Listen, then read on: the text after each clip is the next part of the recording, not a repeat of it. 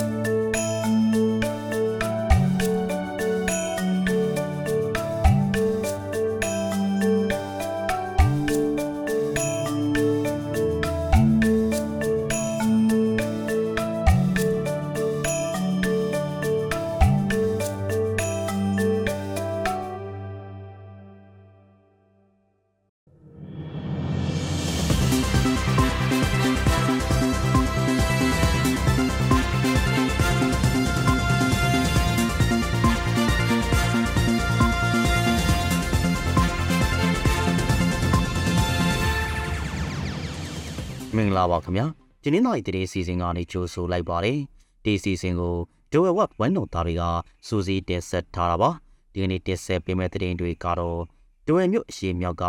ရေဝိုင်းရွာတွေပဲသွားတဲ့လမ်းပိုက်တွေကိုစစ်ကောင်စီတပ်ကပိတ်ထားတဲ့ကြောင်း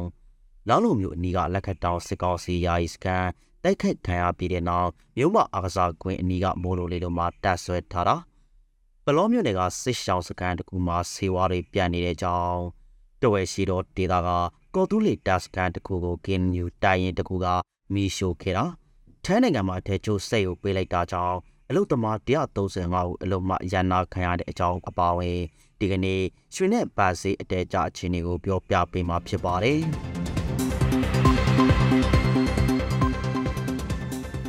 ဒိုဝဲမြို့ရဲ့အရှိမြောက်ဘက်ကရေဝိုင်းရွာတွေဘက်ကိုတွားတဲ့လမ်းပိုက်တွေကိုစစ်ကောင်စီတပ်ကမနေ့ကစားပြီးတွာလာခွင့်မပြုတော့ဘူးလို့သိရပါတယ်။ မောင်မရှောင်းရေဝိုင်းနဲ့ဇဟာရေဝိုင်းရွာတွားတဲ့ကြေးရွာချင်းဆက်လမ်းတွေကိုစစ်ကောင်စီတပ်ကပေးလိုက်တာပါ။စက်တင်ဘာလ30ရက်နေ့ကရေတဝဲလမ်းပိုက်တနေရာမှာတဝဲချင်းထောင်ဝန်တန်းနှုတ်ကို DGRF အဖွဲ့ကတပ်ဖြတ်ခဲ့တဲ့အကြောင်းရုပ်သံမှတ်တမ်းထုတ်ပြန်ပြီးနိုင်ပိုက်ကြမှာပဲအဲ့ဒီလမ်းပိုက်ကိုစစ်ကောင်စီတပ်ကပေးလိုက်တာပါ။အဲ့ဒီလမ်းပိုက်ပေးထားတာကြောင့်ဒေသခံတွေကရိတ်ခါနဲ့ကျမ်းမာရေးကိစ္စအရတဲ့မှာအခက်အခဲဖြစ်မှာစိုးရိမ်နေကြတာလို့သိရပါတယ်။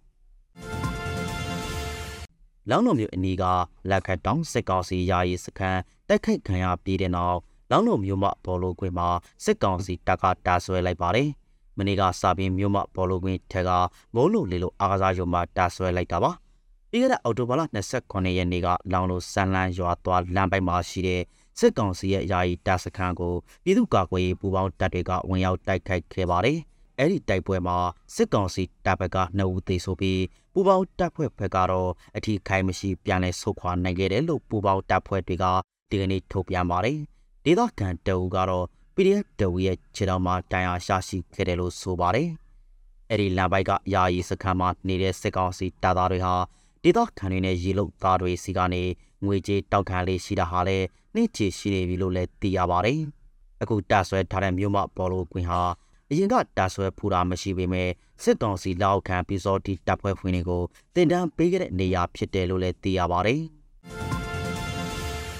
စစ်ကောင်စီကဘလော့အရှိဖြားရွာတွေကိုရိတ်ခါဆေးဝါးတည်ယူခွင့်ကန့်သတ်တာနှစ်နှစ်နီးပါးကြာလာပြီးတဲ့နောက်ဘလော့မျိုးနယ်တေကစစ်ရှောင်းစခန်းတကူမှာဆေးဝါးပြလာနေတယ်လို့သိရပါတယ်။စစ်ကောင်စီကရိတ်ခါနဲ့ဆေးဝါးတည်ယူရလမ်းကြောင်းတွေကိုတင်ကြစွာပိတ်ဆို့ထားတာတွေကြောင့်စိန်တို့ကြီးမြင့်လာတာတွေလည်းဖြစ်လာတယ်လို့ဆိုပါတယ်။ ပြီးခဲ့တဲ့နှစ်တွေကဘလော့ဒေတာမှာစေဘေးရှောင်ဦးရေ1800ခန်းသာရှိခဲ့ပြီးလက်ရှိမှာတော့တိုးလာတဲ့စေဘေးရှောင်အရေအတွက်ပါ2800ခန်းရှိလာနေတယ်လို့သိရပါတယ်။စစ်ကောင်စီကဘလော့နဲ့တနင်္သာရီတို့ကိုစစ်အုပ်ချုပ်ရေးကြီးညာပြီးရိတ်ခါတည်ယူတာတွေကိုလည်းတင်းတင်းကြပ်ကြပ်ကန့်သတ်ထားပါတယ်။ဒိုဝဲရှိတော့ဒေတာကကော်တူလီတာစခန်းတစ်ခုဟာအော်တိုဘာလ20ရက်နေ့ကမီရှိုခံလိုက်ရပါတယ်။အဲဒီစခန်းကို KNU တပ်မဟာလေးလက်အောက်က KNLA တိုင်းရင်တကူကမိရှုခဲ့တာလို့သိရပါတယ်။မိရှုခံရတဲ့စခန်းဟာစစ်ဘေးရှောင်တွေလာရောက်နေထိုင်တဲ့စခန်းဖြစ်တဲ့အပြင် PDF နဲ့ခီးသွအဲ့တွေလာရောက်နာပို့တဲ့အထိုင်စခန်းတစ်ခုဖြစ်ပါတယ်။ဒါပြင်ဆေးရုံနဲ့ဆေးပိတ်ခန်းတွေလည်းတိစောက်ထားပြီးဆေးဝါးတည်တံပေးတဲ့နေရာတစ်ခုလည်းဖြစ်တယ်လို့သိရပါတယ်။အဲ့ဒီစကန်မိရှုခံရတဲ့အတွက်ကြောင့်လက်လို့တနတ်တွေလည်းသိသိခံရတယ်လို့သိရပါတယ်။ တပ်မဟာလေးက KNLA နဲ့ KDLA တို့ကြားဖြစ်ပွားနေတဲ့တင်မာမှုတွေလည်းအခုလဘိုက်တွေမှာပိုပြင်းထန်လာတယ်လို့သိရပါတယ်။ချမ်းနိုင်ငံလှပူရီခရိုင်ကတက်ချိုးစေယိုပေးလိုက်တာကြောင့်မြန်မာလူသမား135ဦးအလုံးမရန်နာခံလိုက်ရပါတယ်။အလို့ရှင်ကကြိုတင်ကြောင်းကြတာမရှိဘဲရုတ်တရက်ရန်နာခဲ့တာလို့သိရပါတယ်။အဲ့ဒီအလို့သမားတွေထမ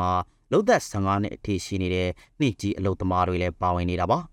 နေနာချေကိုတော့အလို့ရှင်ဘက်က3လအတွင်းသုံးဖြတ်ခွဲပေးမယ်လို့ညှိနှိုင်းထားတာရှိပေမဲ့ဘလောက်ပေးမယ်ဆိုတာကိုတော့ပြောဆိုထားတာမရှိသေးဘူးလို့သိရပါတယ်။အလို့ရန်နာခံရတဲ့မြန်မာအလို့သမားတွေဟာအမိုယူစနေနဲ့လာရောက်လှုပ်ကိုင်နေတဲ့လူသားတွေအပြင်ယာယီနေထိုင်ပြီးအလုတ်လုတ်ခွင့်လက်မှတ်ပိုင်းရောက်ကကဲဆောင်ထားသူတွေလည်းရှိနေတယ်လို့သိရပါတယ်။လှုပ်ရှင်ဘက်ကကနေဦးညှိနှိုင်းထားတာတွေကိုလူသမားတွေကမယုံကြည်နိုင်သေးတာကြောင့်ကိုကြီးဖြစ်ရှင်ပေးဖို့ AAC ဖွဲ့ကိုတောင်းဆိုလာတာကြောင့် မနေ့ကအလုသမားကာကွယ်စောင့်ရှောက်ရေးရှိုးမှာတွားရောက်ညှိနှိုင်းခဲ့တယ်လို့သိရပါတယ်။နောက်ဆုံးတပုတ်အနေနဲ့တဝဲစီဝက်မှာယနေ့ဖြစ်ပေါ်ခဲ့တဲ့ပန်းနဲ့ရွှေစေးအတက်ကြခြင်းတွေကိုပြောပြပေးမှာပါ။ဒီကနေ့တဝဲစီဝက်မှာအခောက်ရွှေစေးငြိနေပါတယ်။အခောက်ရွှေတကြသားစိန်တို့မှာ34သိန်း5000ကျန်တဲ့တိုးရဲဆက်တိုက်စေးငြိနေတာပါ။ထိုင်းဘတ်စေကတော့နည်းငယ်ပြန်ကြလာခဲ့ပါတယ်။ ဒီကနေ့တဝဲစီဝက်မှာကြတသိန်းကို1119ဘတ်ပေါက်ဈေးရှိနေတဲ့ဆိုတဲ့ကြောင်းတင်ဆက်ပေးလိုက်ရပါတယ်ခင်ဗျာ။ခုလိုနားဆင်ပေးခဲ့တဲ့အတွက်ကျေးဇူးတူတင်ရှိပါတယ်မြန်မာနိုင်ငံသားများကပ်ပြီးပေါင်းကနေမြန်ဆိုလွတ်မြောက်နိုင်ပါစေလို့ဂျွယ်ဝဝိုင်းတော်သားတွေကဆုမောကောင်းတောင်းအပ်ပါတယ်ခင်ဗျာ